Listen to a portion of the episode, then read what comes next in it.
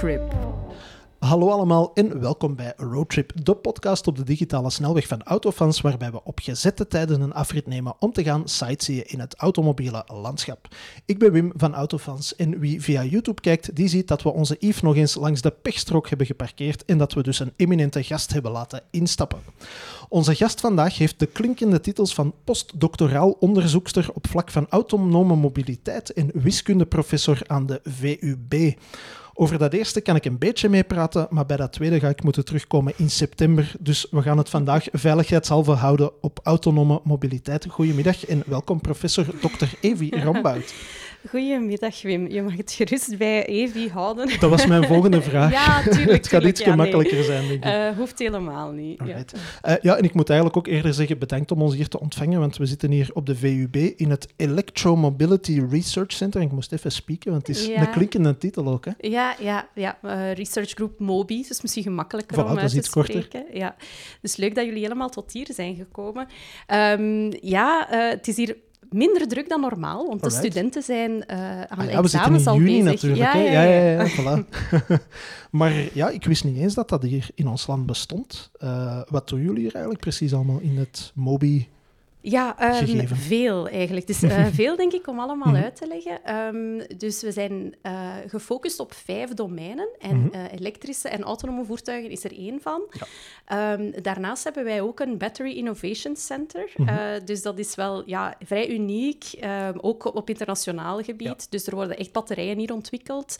En ja, echt heel ja, geavanceerde batterijtechnologie. Ja. Dus je kan ook die Battery Labs gaan bezoeken. Ik Ah, raad dat echt wel aan ook. Um, en de temperatuur die is daar ook enorm laag. Uh, dus ik... Dat is misschien, eigenlijk hadden we het misschien beter daar gedaan, want het is behoorlijk Ja. warm buiten. Hè? ja, eigenlijk wel.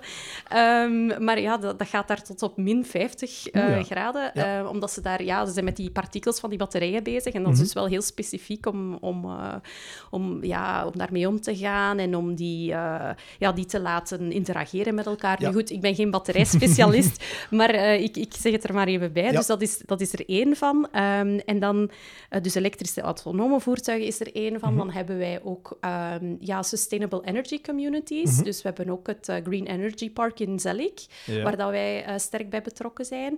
Um, en dan ook ja, focussen wij op de technologische componenten, e-powers, alles wat eigenlijk ja, in voertuigen aanwezig is. Mhm. Dus ja, we doen heel veel onderzoek. We hebben 120 uh, specialisten, onderzoekers. Dat zijn juniors, dat zijn postdoctorale onderzoekers of professoren Mhm. die, uh, die in ons lab uh, bezig zijn. En dat zijn Ja. ook uh, 21 nationaliteiten die hier aan het werk zijn. Dus we, Ja. zijn, ja, we zijn een heel grote groep. Ja, en het is iets dat enorm... Allee, als ik zelf vanuit de autosector een beetje kijk, dat is iets wel wat de laatste jaren ook enorm aan het boomen is waarschijnlijk. Hè? Alles wat Ja. draait rond de onderwerpen die jullie doen. ja, we zien wel natuurlijk vooral het, het aspect rond elektrische en autonome voertuigen. Dat is nu heel hot. Mhm. Ehm, ja, eh, we krijgen regelmatig mensen over de vloer die daar iets meer willen over weten. hè, zoals zoals eh, jullie bijvoorbeeld. Ja. Eh, maar vooral ook ja, rond elektrische mobiliteit. Eh, een collega van mij is bezig met een retrofit-project momenteel. Dus eh, ja, het is heel, heel hot. Mhm. Heel ook, Ja. Eh, nu, uw specialisatie is autonome mobiliteit. Hoe komt een professor wiskunde in de autonome mobiliteit terecht? Oei, ja, eh, dat is een heel lang verhaal. Ik weet niet dat is of we geen daar probleem. tijd Ja, ja, we hebben, we hebben eh, Ja. eh, zeker tijd.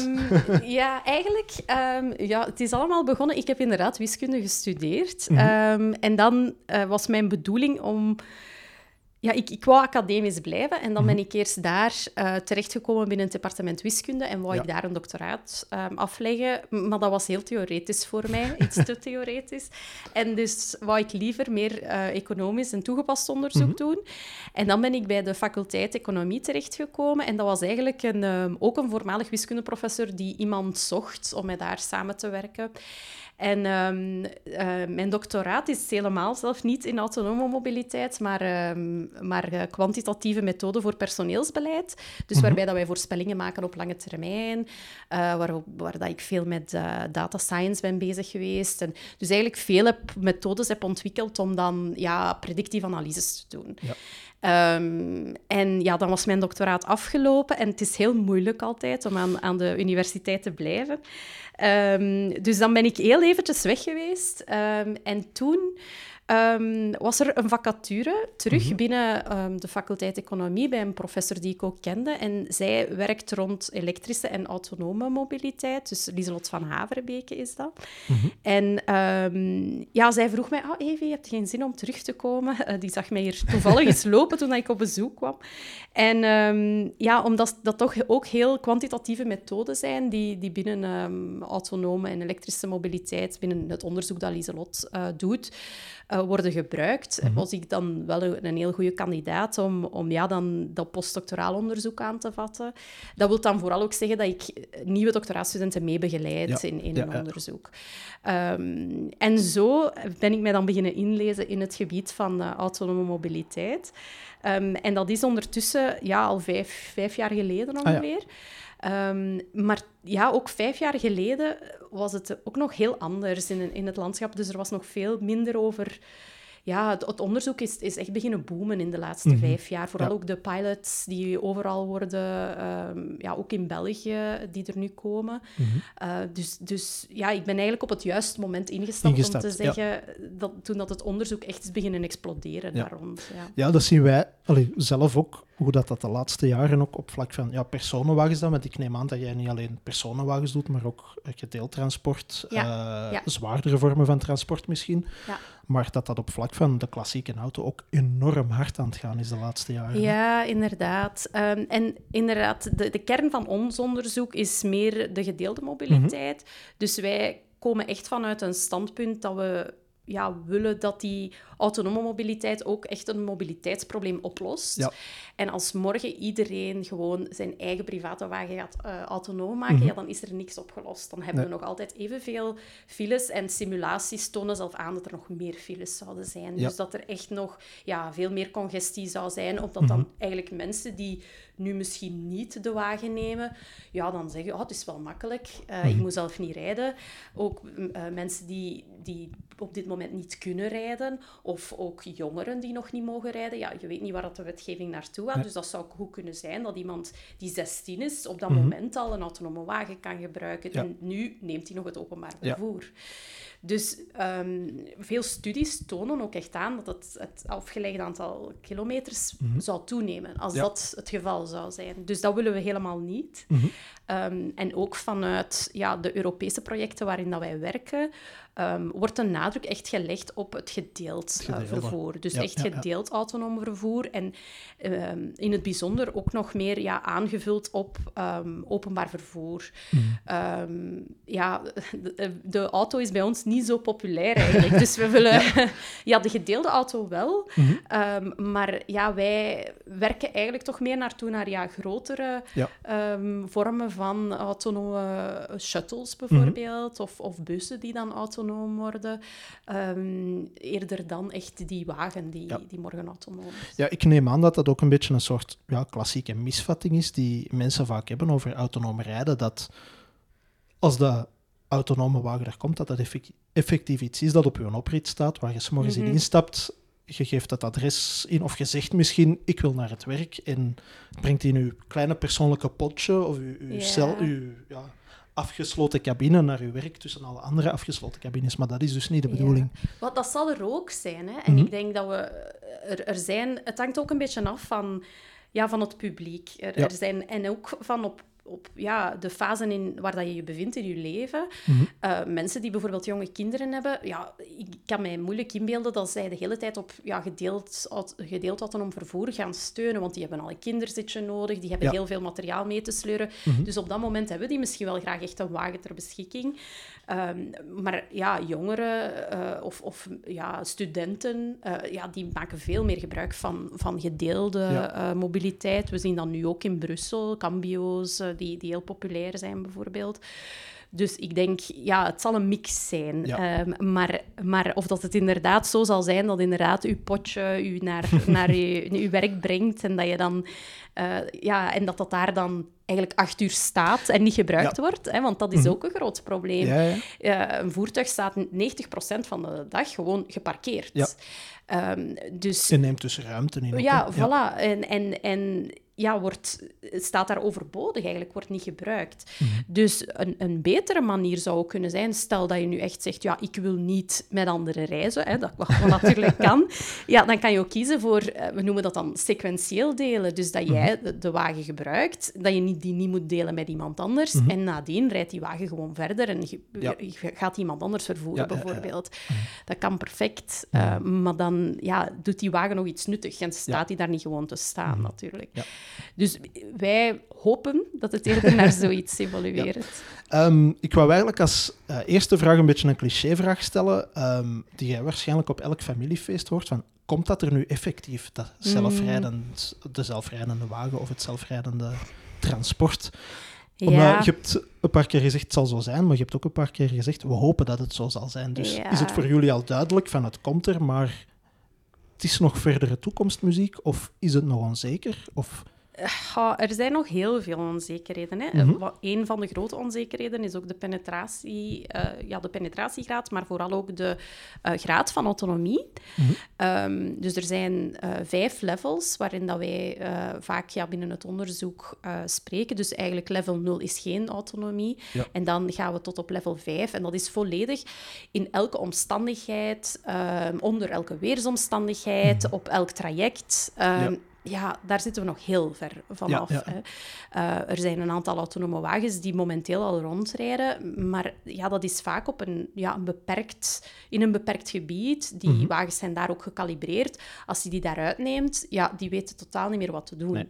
Ehm, ook de weersomstandigheden spelen een heel belangrijke rol, want die sensoren zijn heel sensitief. Hè. Dus eh, het, ja, het kan zijn dat er sneeuw valt of gewoon bladeren van de bomen. We hebben dat zelf gemerkt in een piloot die we hebben uitgevoerd, dat de wagen gewoon stopt, omdat die bladeren van de bomen interpreteert als een object. ah ja, ja, ja. En, en dus dan, Dus- ja, dan, dan staat hij daar en dan weet hij niet meer wat te doen. Ah, nee. Dus op dat moment is er nog altijd een operator nodig waarop dat het voertuig kan terugvallen. Die Ja. kan zeggen, ja, maar het is niet erg, rijd maar verder. Mhm. Dus eh, ja, de technologie ja, is, is er... Ze is er wel, Mhm. maar er zijn toch nog veel omstandigheden waarop dat het ja, kan fout lopen.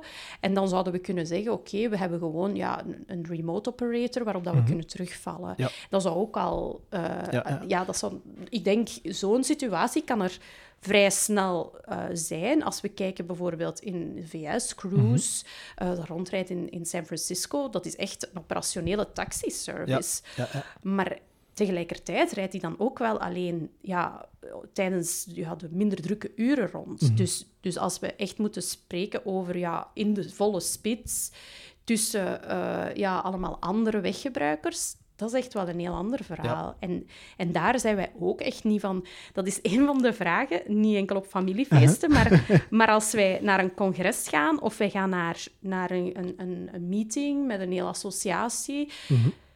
Ja, dan, die vraag komt altijd terug. Wanneer zitten ja, we aan level 5? En er zijn veel onderzoekers die zeggen, ja, we spreken over minstens 2050. Mhm. Eh, dus dat is nog ver af. Ja.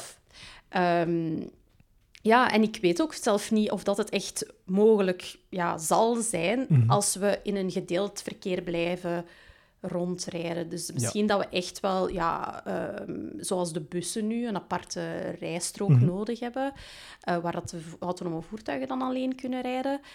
Maar zelfs dan nog zijn er heel veel ja, factoren, zoals zwakke weggebruikers. En ja, het is heel moeilijk. Ehm, de situatie die je nu schetst, dan spreken we echt over level 4. Hè, want dat zijn de, de, de niveaus die ze in de autosector zelf ook heel graag hanteren, omdat die inderdaad Mhm. redelijk overzichtelijk zijn.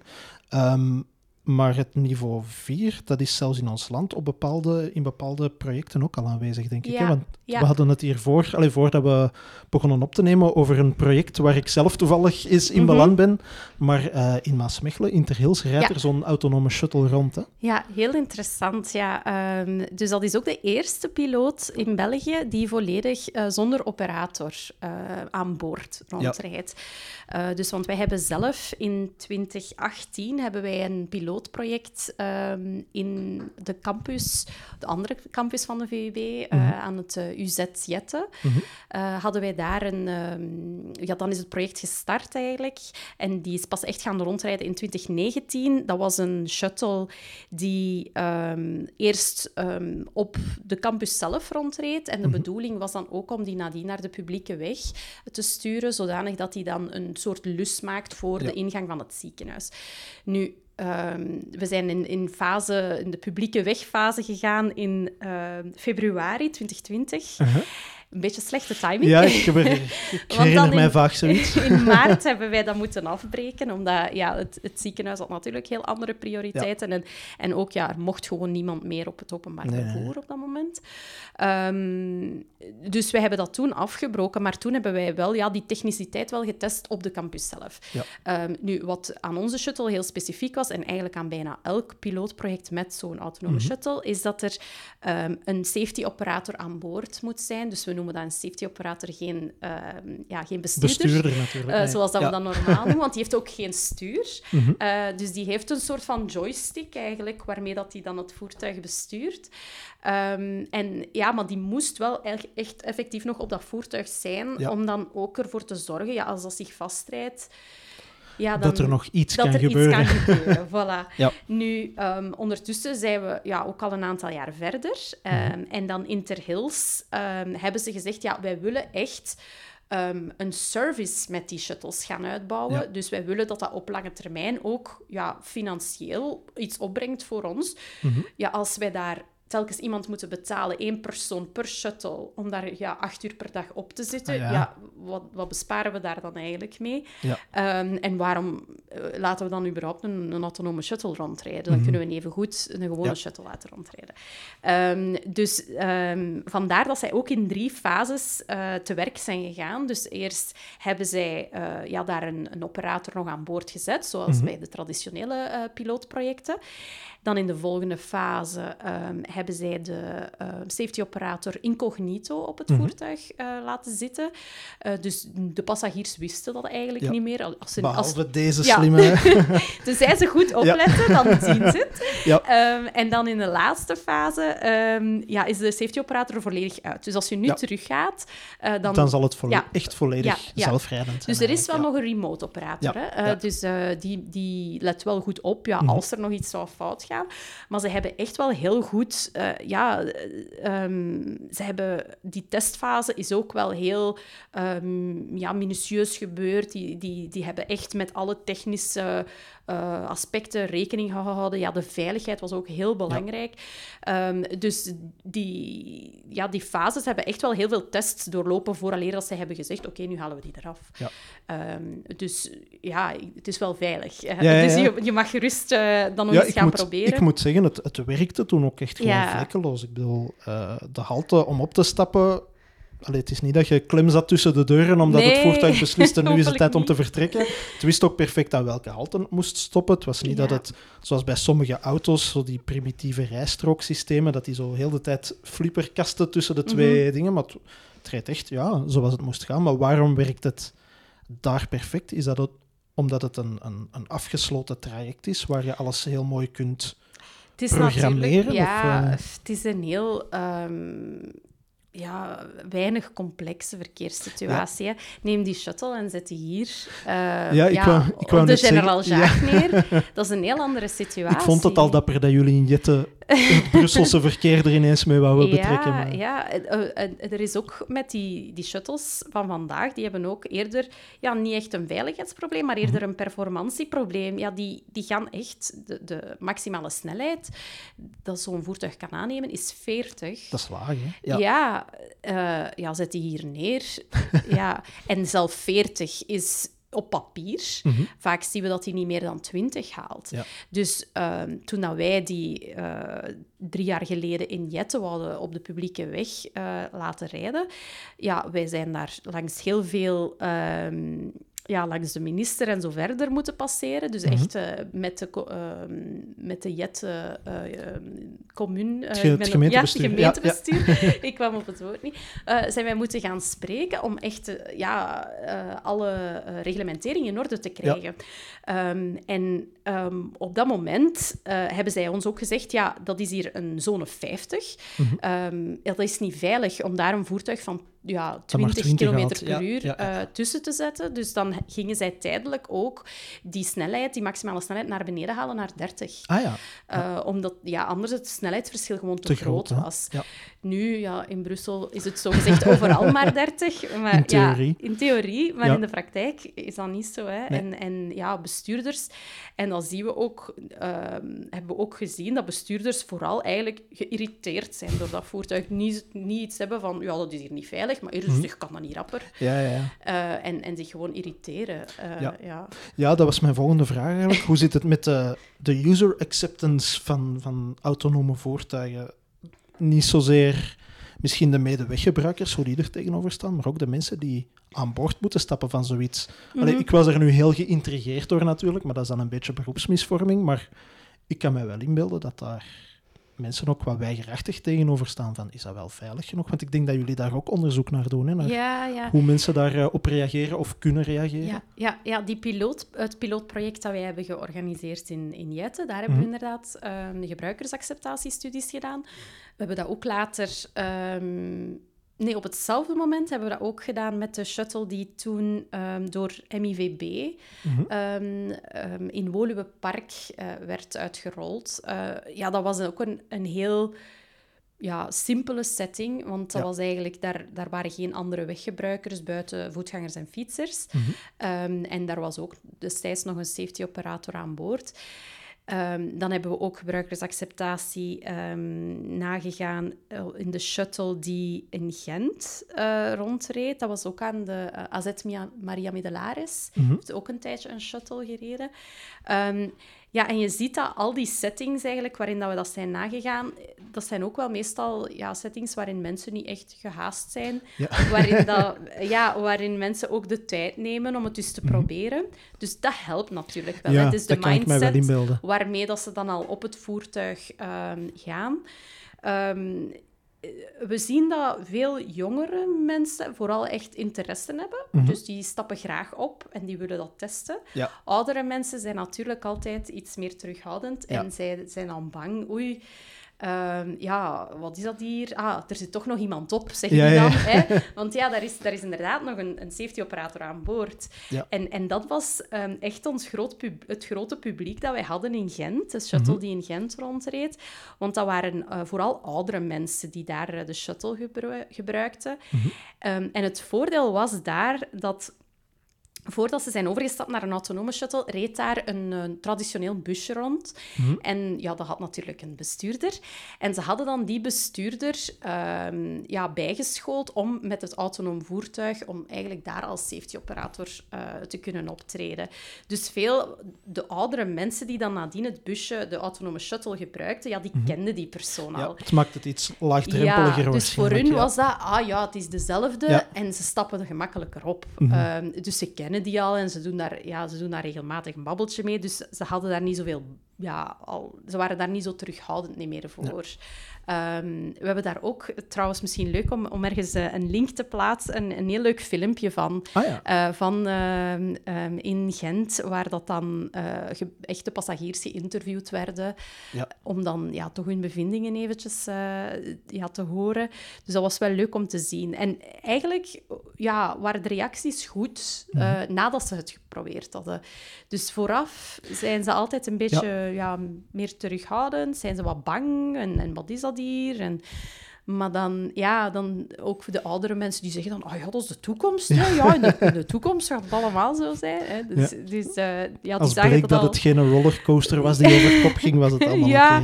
die zagen dat dat direct al zitten. Ja. Dus ja, eigenlijk... ehm, over het algemeen eh, helpt de ervaring echt Ja. wel. En het is daarom dat er ook ehm, ja, over heel Europa heel veel piloten uitgerold worden. Mhm. Net omdat we zien dat die ervaring heel belangrijk is. Ja.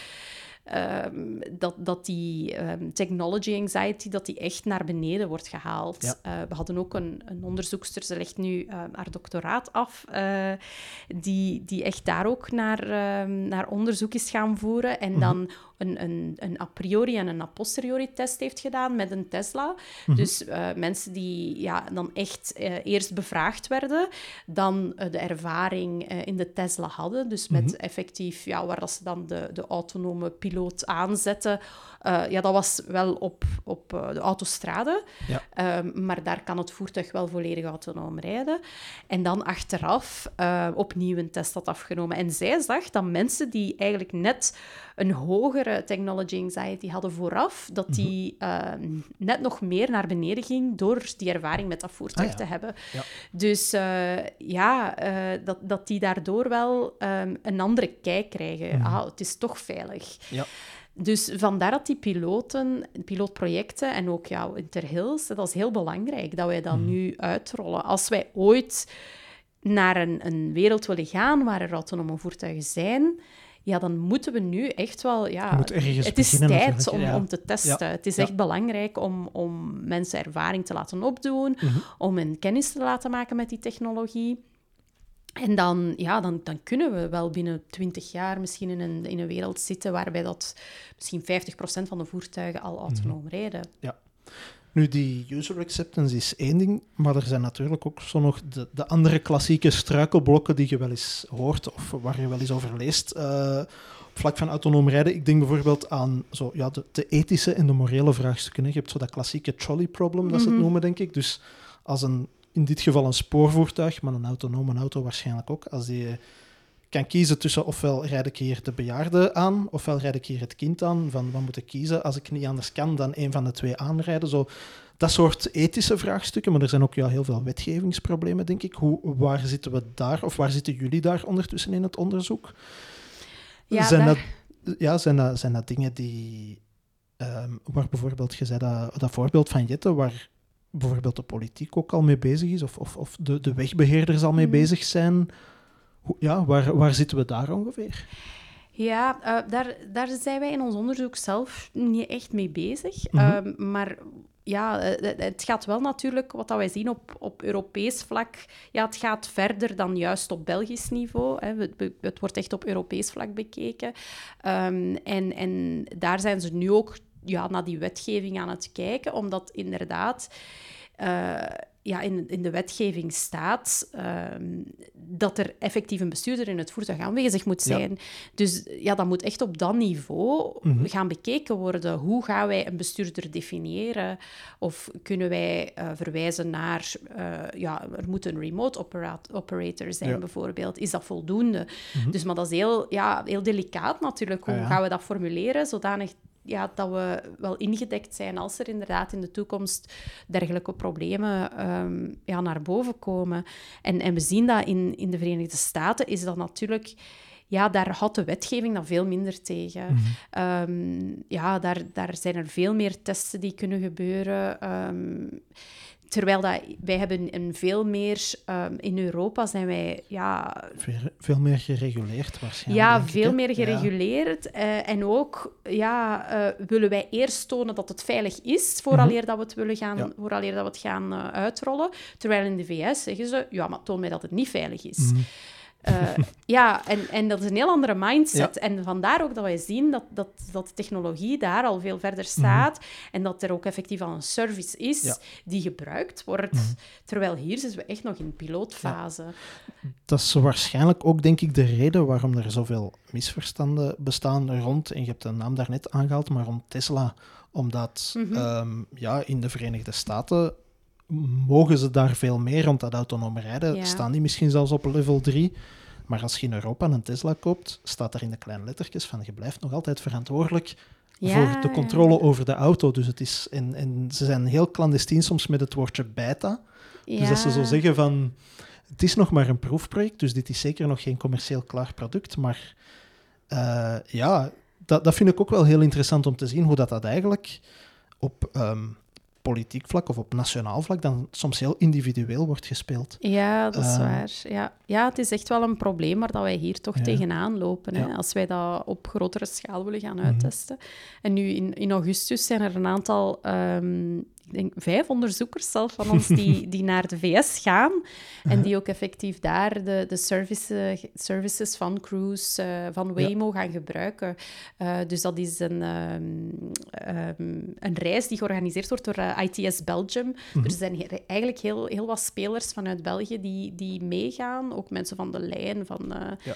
van eh, Agentschap Wegen en Verkeer, eh, van Espace Mobilité, Mhm. die, eh, ja, die die reis hebben georganiseerd. En een aantal van onze onderzoekers gaan daarmee naartoe om dan echt eens te zien, ja, maar hoe zit het daar? Hoe werkt dat in de praktijk? Ja, En, en, en hoe anders is het? Eh, Ja. Dus dat gaat wel heel interessant zijn om, om hun bevindingen Ja, ik kan mij nu bijvoorbeeld al indenken van allee, de weinige ervaring dat ik van de Verenigde Staten heb met die kaarsrechte wegen en zo het, het, Mhm. het, eh, dambordpatroon van hun steden, dat dat misschien iets makkelijker is dan Centrum Gent, waar er een kasseiweg met Ja. tramsporen is en daar moet ook nog een fietser over. En, Dat is waar, maar natuurlijk, de, de ehm, service van Cruise die is Mhm. wel in San Francisco. En dat ja, is wel waar een ook stad natuurlijk die, tramsporen lopen. die- hè. ja, en die eigenlijk op een manier heel Europees is. Mhm. Ehm, dus dat is wel interessant om te Ja. zien. Het is natuurlijk nog geen Brussel hè, of, of geen Gent, maar, ehm, maar het is wel al een complexe si- verkeerssituatie. Dus ze gaan daar toch al vrij ver. Mhm. Eh, je zei daarnet van die user acceptance, van eh, hoe dat, dat werkt voor oude mensen die daar heel weigerachtig tegenover staan en die dan nadien zoiets hebben van, ah, eigenlijk viel dat wel mee. Zijn er nog andere misvattingen of mythes of, of denkbeelden die mensen misschien op voorhand hebben rond autonoom rijden, die volgens u of vanuit uw standpunt niet helemaal correct zijn of misschien doorprikt moeten worden? Of waar je mensen misschien duidelijk van kunt maken van, ah kijk, het is helemaal zo complex niet, of het is veel toegankelijker. Of, eh, ik zal misschien een concreet voorbeeld geven. Als ze dat af en toe aan mij vragen, niet dat dat elke dag gebeurt, maar ze vragen van, ja, die zelfrijdende auto, komt dat er nu? Zeg ik heel vaak, ja, maar uw auto is al deels zelfrijdend. Als je Mhm. een cruise control hebt, is hem al op niveau Mhm. 1 zelfrijdend. Dus Mhm. dat mensen het vaak ook niet weten hoe, ja, hoe concreet het al is. Ja, ja. ja, ik denk dat het belangrijk is inderdaad dat mensen het ook eens gaan uittesten. Vooral Mhm. omdat er inderdaad veel, veel mythes rond bestaan. Ehm, nu, ja, wat wel nog zo is, is dat, dat, dat die voertuigen, zoals die shuttles bijvoorbeeld, ja, op dit moment ja, wel nog veel trager zijn dan een gewoon voertuig. Eh, maar aan de andere kant, ehm, ja, als, als je het openbaar vervoer neemt, en, je- en, en je- of zelf ja, in Brussel bijvoorbeeld de wagen neemt, Mhm. ja, dan, dan, als je dan de gemiddelde snelheid zou uitrekenen, dan ga je eigenlijk ook helemaal niet zo snel. Nee, het is dat. Hè. Dat is Ehm, vaak heel laag. Ja, ehm, aan de andere kant is ook de vraag van willen we inderdaad dat, dat, eh, het voer, dat we een autonoom voertuig kunnen gebruiken voor ons heel traject? Misschien Mhm. ook niet. Misschien zijn de... de en, en een van de ja, de toepassingen waar wij ook vaak naar kijken, is ja, vooral first last mile. Ehm, dus dat wij ja, bijvoorbeeld een trein gebruiken om een gro- groot traject af te leggen, maar dan voor, de, voor de last mile of de first mile nog een autonome shuttle gebruiken. Ja. Dat is ook perfect mogelijk. Dus misschien moeten we niet kijken per se naar gaan wij nu een autonoom voertuig gebruiken voor ons heel traject, Eh, maar, maar eerder hoe kan, hoe kan een autonoom voertuig onze noden aanvullen die we, die we op dit moment ja, toch al voelen in, in, het huidige, ehm, ja, de huidige mobiliteit. En dan ook vooral ja, terug als, terugkeren naar ja, de, de mythe van ja, morgen gaat iedereen zijn wagen gewoon geautomatiseerd zijn.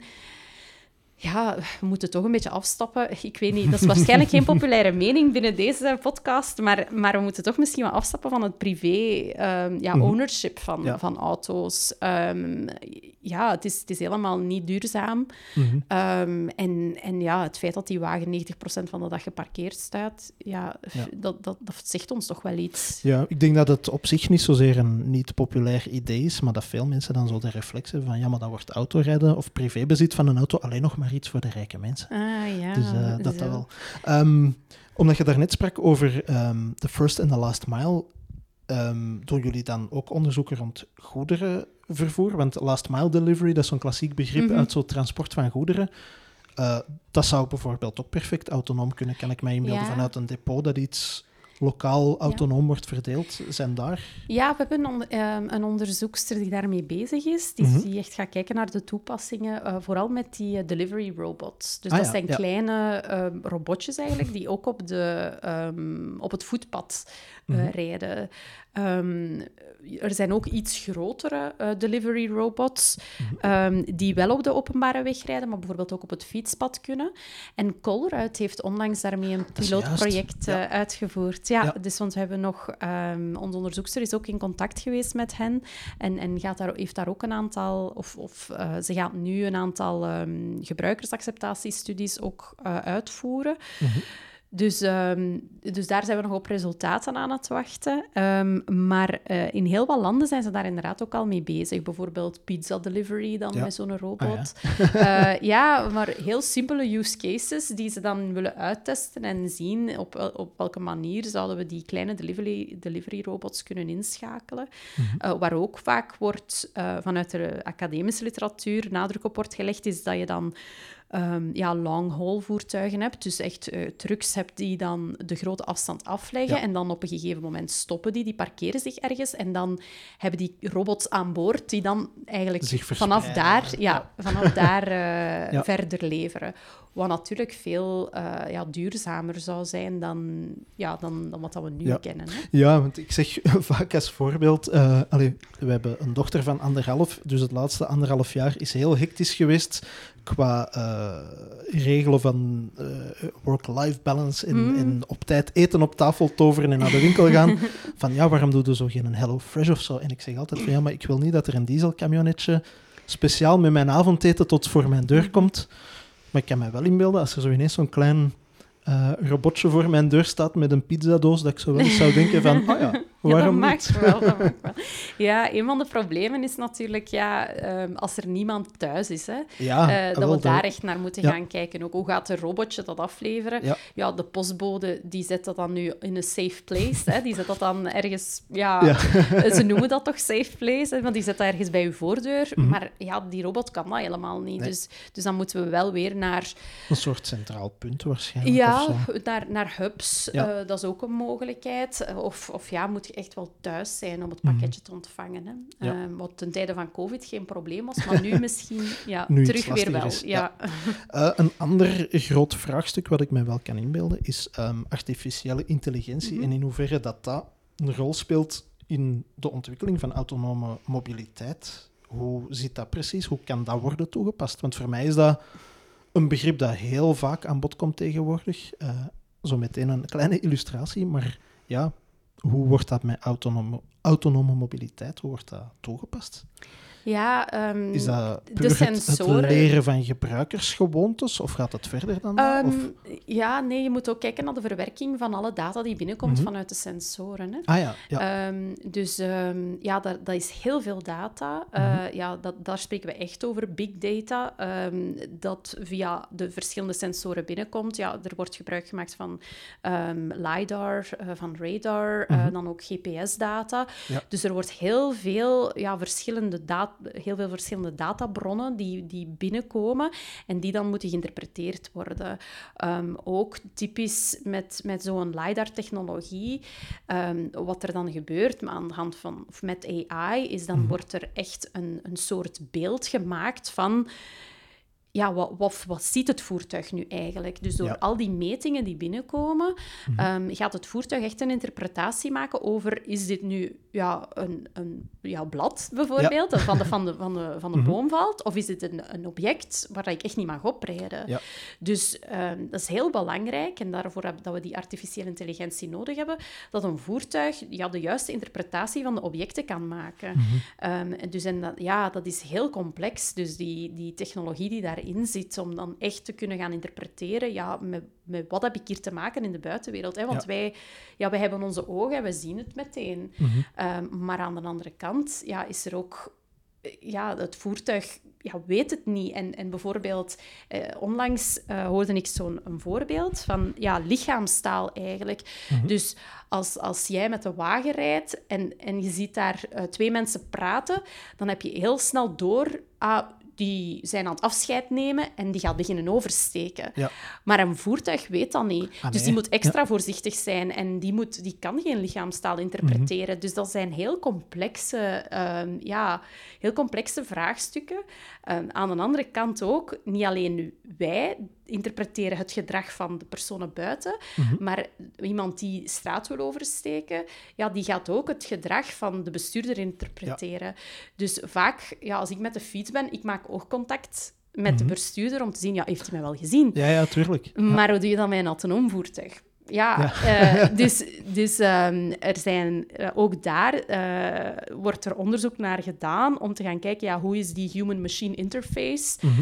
Ehm, ja, soms wordt er bijvoorbeeld met smileys gewerkt, dus dat het voertuig ja, een smiley geeft Mhm. als hij je gezien heeft. Ja, ik heb precies inderdaad Ehm, ergens eens gelezen dat dat ja, of, inderdaad of, of dat ze oogjes Ja. aanbrengen, zodanig dat, dat de, de zwakke weggebruiker kan zien, ah, het voertuig heeft mij gezien. Ja. Dus daar zit heel veel geavanceerde technologie in, Mhm. ja, voor het herkennen van objecten, maar ook ja, dat het voertuig kan communiceren met, eh, met de andere gebruikers.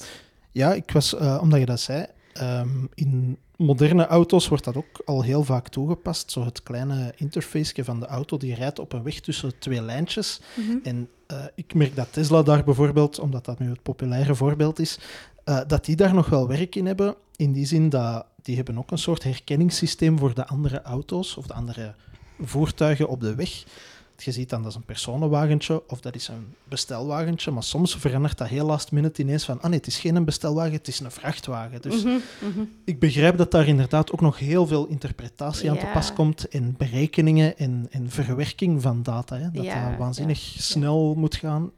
Ja. een typisch voorbeeld van, van AI is inderdaad ja, die image recognition. hè. Mhm. Eh, ja, hoe, ga je, hoe ga je aan een computer vertellen dat iets een kat is? Ja. Ja. je geeft die ja, 10.000 voorbeelden van Mhm. foto's van katten en dan geeft je die nog eens 10.000 foto's van geen katten. Ja. En dan, ja, na een tijd heeft, heeft de computer geleerd, ah, dat is een kat. Ja. Dus ja, dat is, dat is, dat is heel eh, complex om... Mhm. om ja, en dat, dat is wat we net artificial intelligence noemen. Ja, we laten het, het, de computer eigenlijk zelf leren Ja. wat, er, eh, ja, wat een kat is en wat geen Ja. kat is. Dat is eigenlijk een soort kansberekening dan van uit zoveel duizenden, tienduizenden, honderdduizenden voorbeelden is de waarschijnlijkheid het grootst dat het dat is of zo. Ja, die maakt eigenlijk een inschatting op basis van... Ja, als je heel veel voorbeelden ziet... Dus, Dat is eigenlijk eh, op dezelfde manier... en Je spreekt, je hebt een, een kindje van anderhalf. Ik Ja. ook, toevallig. Ehm, dus dat, dat op dezelfde manier dat, dat eigenlijk die, die processing bij hun gebeurt. Dus ja, eh, als wij, wij, wij lezen boekjes samen en na een tijd ziet hij... Ah ja, maar zo'n zo een, een beest met, met, met een wit beest met groene vlekken, dat is een Ja. koe blijkbaar. Maar dan op een gegeven moment is dat ineens een hond. Ja. En, en zo blijft hij die eigenlijk voorbeelden geven. Ah ja? ja, dat is eigenlijk... Zo En- heb ik het nog niet bekeken. Ja, en die, en die krijgt altijd maar meer voorbeelden, zodanig dat hij zijn patroon kan bijstellen. Ah ja, Mhm. maar... En, en, en hoe meer voorbeelden dat hij krijgt van ja, katten of koeien of Ja. weet ik veel, hoe meer dat hij eigenlijk gaat leren naar wat dat, op wat dat hij moet letten en naar wat dat Mhm. Ja. hij moet kijken. Dus, ehm, dus ja, het is moeilijk om over, over een computer op die manier na te denken, hè, maar die, d- dat is ook self-learning, Mhm. Ja. zo'n algoritmes. Ja. Dus die gaan dat echt zo gaan interpreteren. Ja, mijn dochter is nu... ehm, die, alles wat rond is, is voor haar momenteel een bal. Dus zij heeft effectief ook zo van die dingen. Dat ik bal. En dan zeg ik... Ja, want ik begrijp dat je denkt dat het rond is, dus dat het een bal is. Maar ja, ik had het eigenlijk zo nog nooit ja, bekeken. Ja, ja, Eh, ja, ja. Ik zal straks tegen mijn vriendin zeggen van... ze is aan het self-learnen. ja, ja, Nu, over artificiële intelligentie gesproken. Ik heb op voorhand aan eh, ChatGPT gevraagd om een paar vragen rond eh, autonoom rijden te suggereren. Ik denk dat je voor de eerste vraag een paar dingen al hebt aangehaald. Maar wat zijn de belangrijkste technologische ontwikkelingen ehm, die de laatste jaren hebben bijgedragen tot de vooruitgang Mhm. in het ontwikkelen van autonoom rijden? Ik weet dat je daarnet de, de radars en de lidars, dat is ook zo'n beetje een... Ja, ja, iets dat heel snel gaat. Mhm. Die sensoren, inderdaad, die belangrijk zijn. En wat we ook natuurlijk zien, eh, dat momenteel belangrijker en belangrijker wordt, is 5G. Mhm. Ehm, ja, omdat het voertuig toch eh, ook belangrijk is dat hij heel goed kan communiceren met, met het netwerk, dat hij kan beroep doen op GPS. Ehm, ja, en, en dat hij heel snel eigenlijk eh, ja, heel snel netwerk nodig Mhm. heeft. Dus de Ja. 5G is heel belangrijk voor die autonome shuttles.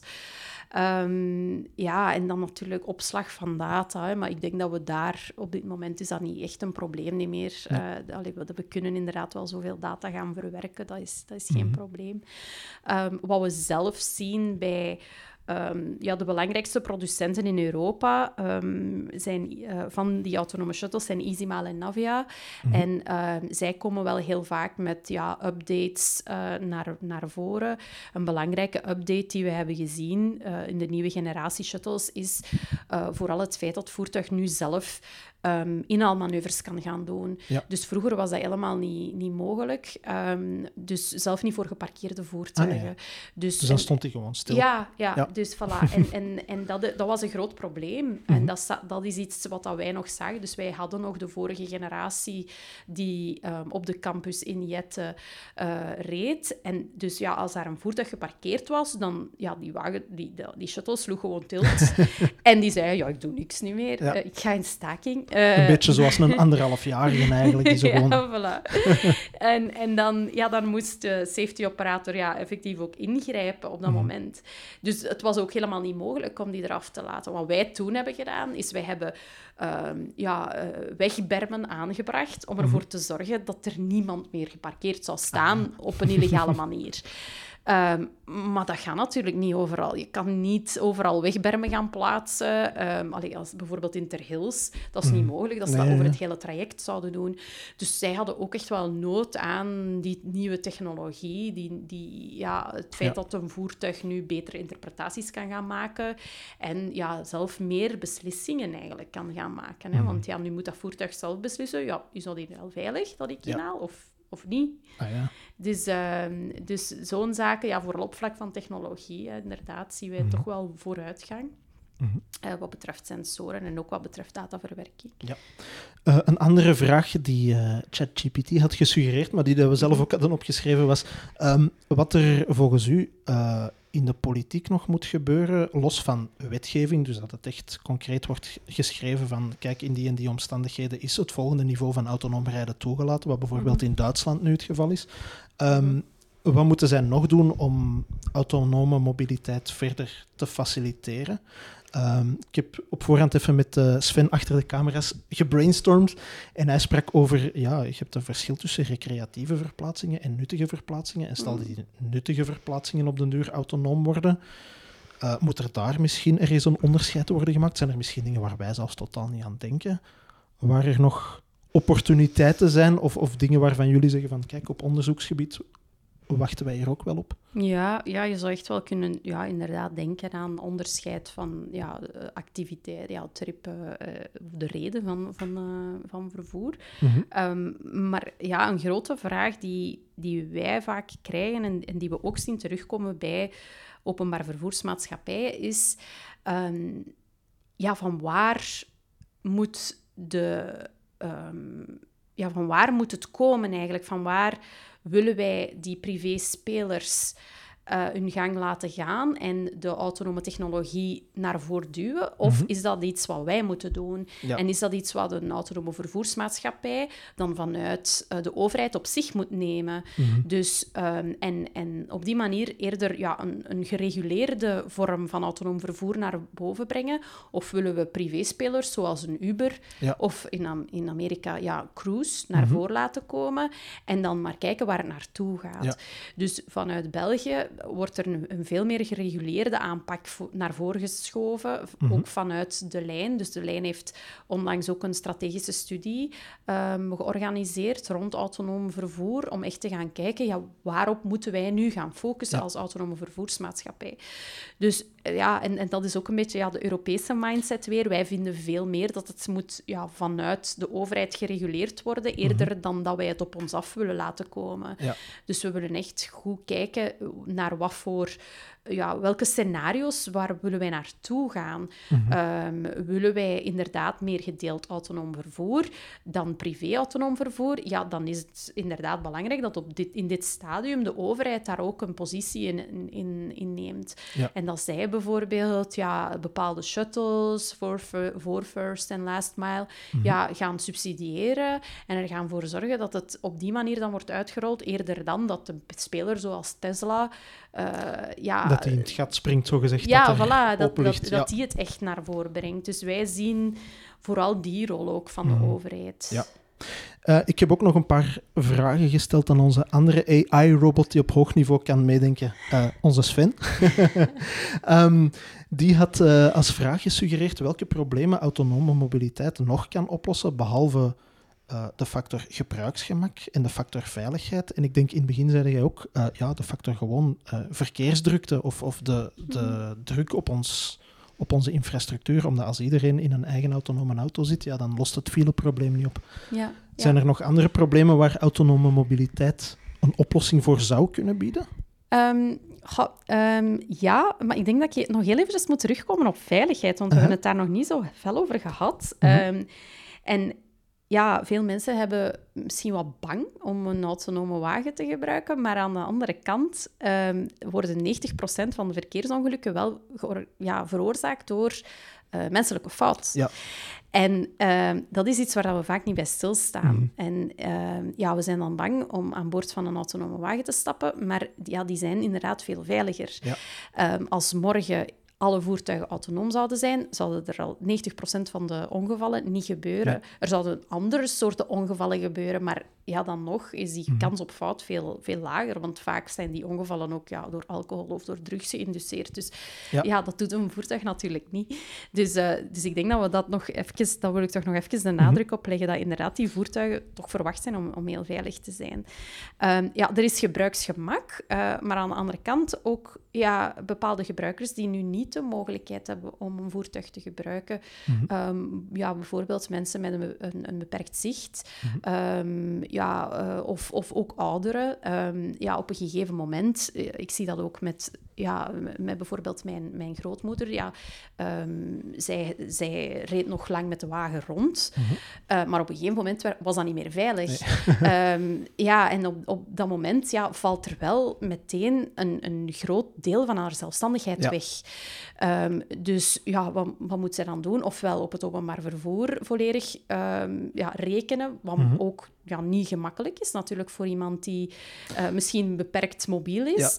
Ja, ja dan, dan kan een autonome wagen daar toch wel ja, veel antwoorden bieden. Hè? Dus niet Mhm. alleen gebruiksgemak, maar ook eigenlijk mensen ja, toch nog langer hun vrijheid geven. Want Ja. mobiliteit is op een zekere manier toch ook een vrijheid die we dan hebben. Hè? Ja, zeker en vast. Ehm, ja, en anderzijds, wat, wat zien we nog met autonoom, autonoom vervoer?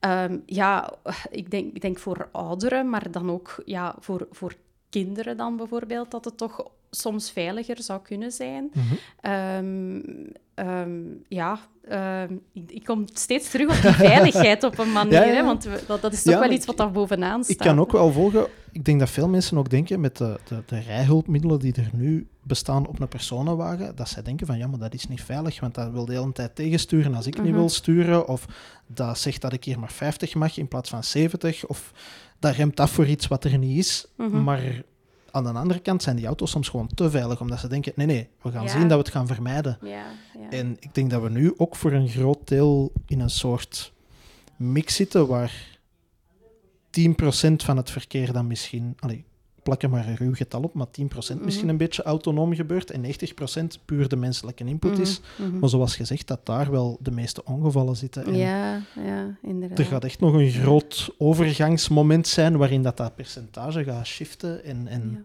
Ja, ja. Ja, en met dat je spreekt van shift, een van de voordelen is vooral ook van autonoom rijden, dat, dat het net die shift in, eh, ja, een mobiliteitsshift mogelijk maakt. Mhm. Dat mensen die nu zeggen, ja, de cambio, pff, ik ga die niet gebruiken, want ik moet 500 meter wandelen. Ja. Eh, ja, eh, ieder zijn mening daarover, wat, wat, wat we daar moeten over denken. Maar Mhm.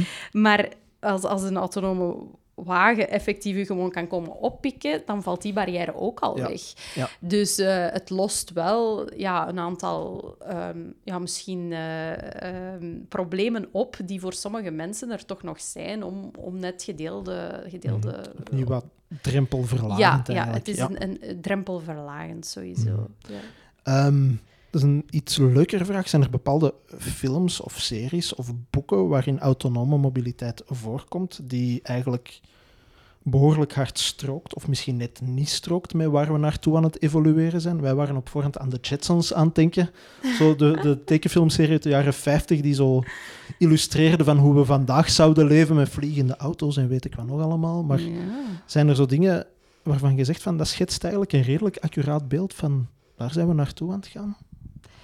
Ja, ik kan me eigenlijk niet meteen een voorbeeld indenken. ben zo nu dat zelf je aan de. Jetsons zegt, dan effectief. Maar Ja, we zijn nog niet aan vliegende auto. Allee, nee, daar er wordt mee geëxperimenteerd, maar... niet, ehm, Maar ik kan me eigenlijk niet meteen een film Ja, ik was bijvoorbeeld dat zelf aan. Minority Report aan het denken, omdat daar vooral zo heel veel van die virtuele schermen zo in het eilen zijn, waar ze zo aan het swipen zijn tussen allerlei dingen. En Ja. In Star Wars gaat het ook wel allemaal vrij autonoom, hè, maar Ja. ja. dan zijn we echt wel aan het we zijn nog niet ruimtevliegen. interstellair aan het gaan. Nee, voilà.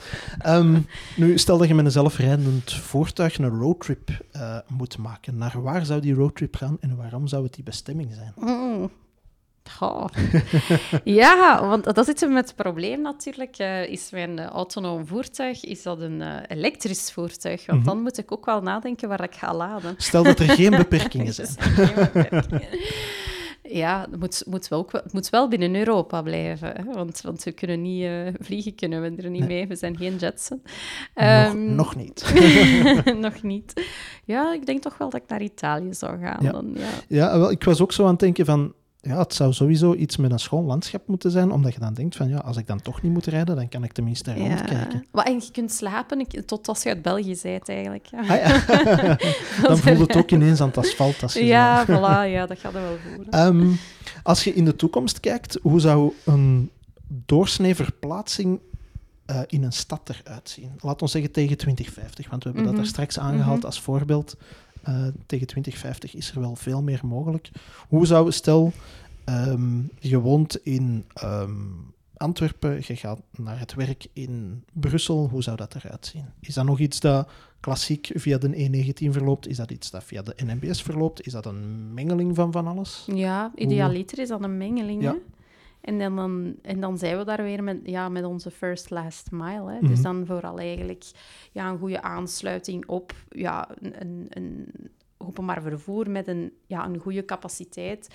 Mhm. Want ja, we moeten eerlijk zijn, eh, ja, de NMBS laat soms ook nog wel wat te wensen over. Ehm, maar ja, als we inderdaad een groot aantal deelwagens ja, weglaten, kunnen we misschien ook net meer focussen om het openbaar vervoer eh, beter te maken. Hè. Of we zouden ook Ja. hoge snelheidsbussen kunnen hebben die autonoom rijden. Mhm. Ehm, ja, ik denk niet per se dat mensen... Ja, ik stel me die vraag. Hè. Willen, willen mensen echt per se eh, met de wagen naar het werk rijden? Ja, of, doen ze maar- dat, of doen ze dat omdat, omdat het moet? Ja. Omdat, het, omdat de NMBS eigenlijk niet altijd zo betrouwbaar Ja, is? ik ga er nu ook maar vanuit van een voorbeeld van iemand die in Antwerpen woont en in Brussel werkt, maar wij als Belgen zijn nogal heel hard verknocht aan vooral niet in de buurt van het werk willen wonen. Hè. Ja. Wij, wij willen ons graag verplaatsen naar het werk. Ja, maar- maar tegelijkertijd, ja, veel mensen hebben nu een bedrijfswagen. Mhm. Ja, ik denk niet dat dat is per se omdat zij met de wagen naar het werk willen rijden, maar, maar het openbaar vervoer is nu eenmaal niet altijd zo betrouwbaar. Nee. Dus,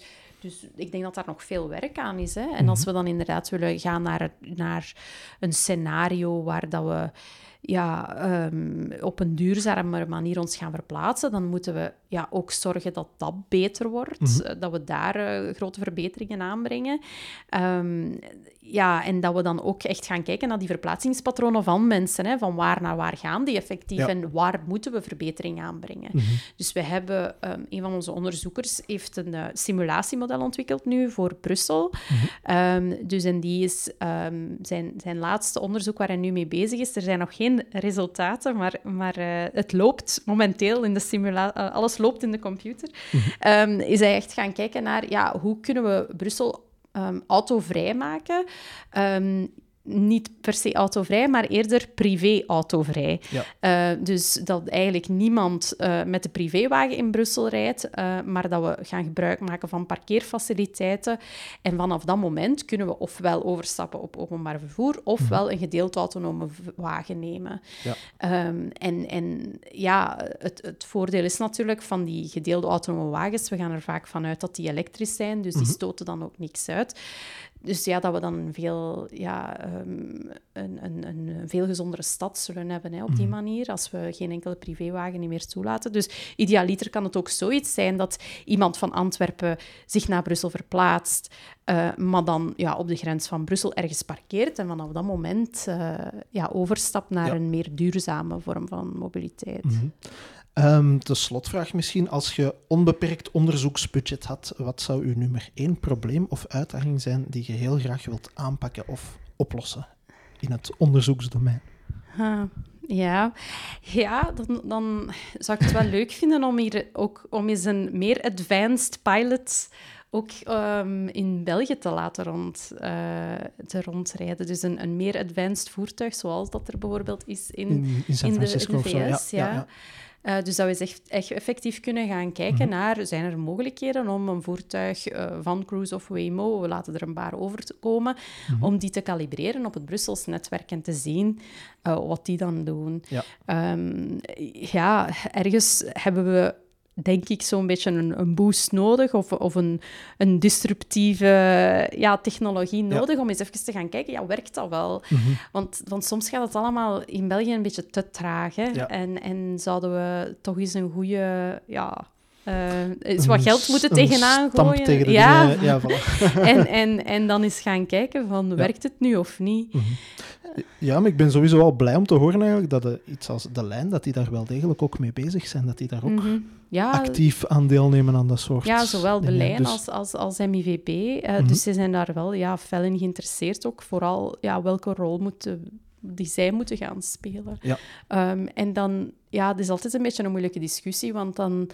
eh, ja, de vakbonden die staan daar niet voor te springen, want die denken meteen, ah, maar alle bestuurders zijn hun werk kwijt. Maar eh, zover moeten we ook niet gaan. Mhm. Eh, ehm, veel bestuurders zullen ook nog een rol opnemen in het begin als safety operator, zullen ook een remote operator Mhm. zijn. Ehm, en aan de andere kant is er vooral vaak ook een probleem dat ze geen bestuurders vinden. Ja, Ehm, dus, Ja. ja. dus dan denk ik dat, dat dat ook al een groot probleem oplost. Hè. Niet alleen bij de lijn of MIVB, maar ook... ehm, ja, onlangs was ik op een, een, een congres en, en daar spraken ze ook over ja, het personeelstekort voor ja, ja, lange afstandsvervoer voor truckchauffeurs. Ah, ja, ja. Dus, dus er- het is echt heel moeilijk soms om, Mhm. om truckchauffeurs te vinden. Dus ja, dat zou ook al een, een groot probleem kunnen oplossen. Hè? Dus de- ook zij die daar ehm, op, op lange afstanden, dat we ook gaan kijken naar platooning. Ik weet niet of je daar al, Niet met, al ik van hebt knikte ja uit automatisme, maar ik weet niet wat het wil Maar, ehm, ja, platooning-technologie laat eigenlijk toe om, om trucks achter elkaar te laten rijden. En dat je bijvoorbeeld... convo- ah, Ja, een soort. Ja, toch, en dat je dan maar eigenlijk één bestuurder hebt en Mhm. dan drie andere vrachtwagens die daar eigenlijk achter, auto, daarachter autonoom ja, ja. Dus dan kan je vrachtwagens die dan een grote afstand moeten afleggen voor een Mhm. heel lang stuk gewoon met, met één bestuurder eh, ja. laten afleggen. Ja. Dus dat is ook echt wel al, zou ook eh, ja, Mhm. een fameuze ja, sprong kunnen zijn hè, om, Ja. om, eh, ja, om, om zowel die bedrijven te helpen als ook ervoor te zorgen dat er ja, minder, minder transport op de weg is. Mhm. Er valt dus nog heel veel te onderzoeken en uit te proberen. Ja, eh, ik ga het allemaal niet kunnen doen. Nee, maar desondanks wens ik u eh, onbeperkt budget toe. En eh, ja, rest mij alleen nog maar om u te bedanken voor de tijd die je vandaag voor ons hebt vrijgemaakt. Ja, graag gedaan. Dit was een roadtrip voor deze keer. Binnenkort zijn wij er terug met een nieuwe aflevering. Dus bedankt voor het kijken via YouTube. Bedankt voor het luisteren en tot de volgende keer.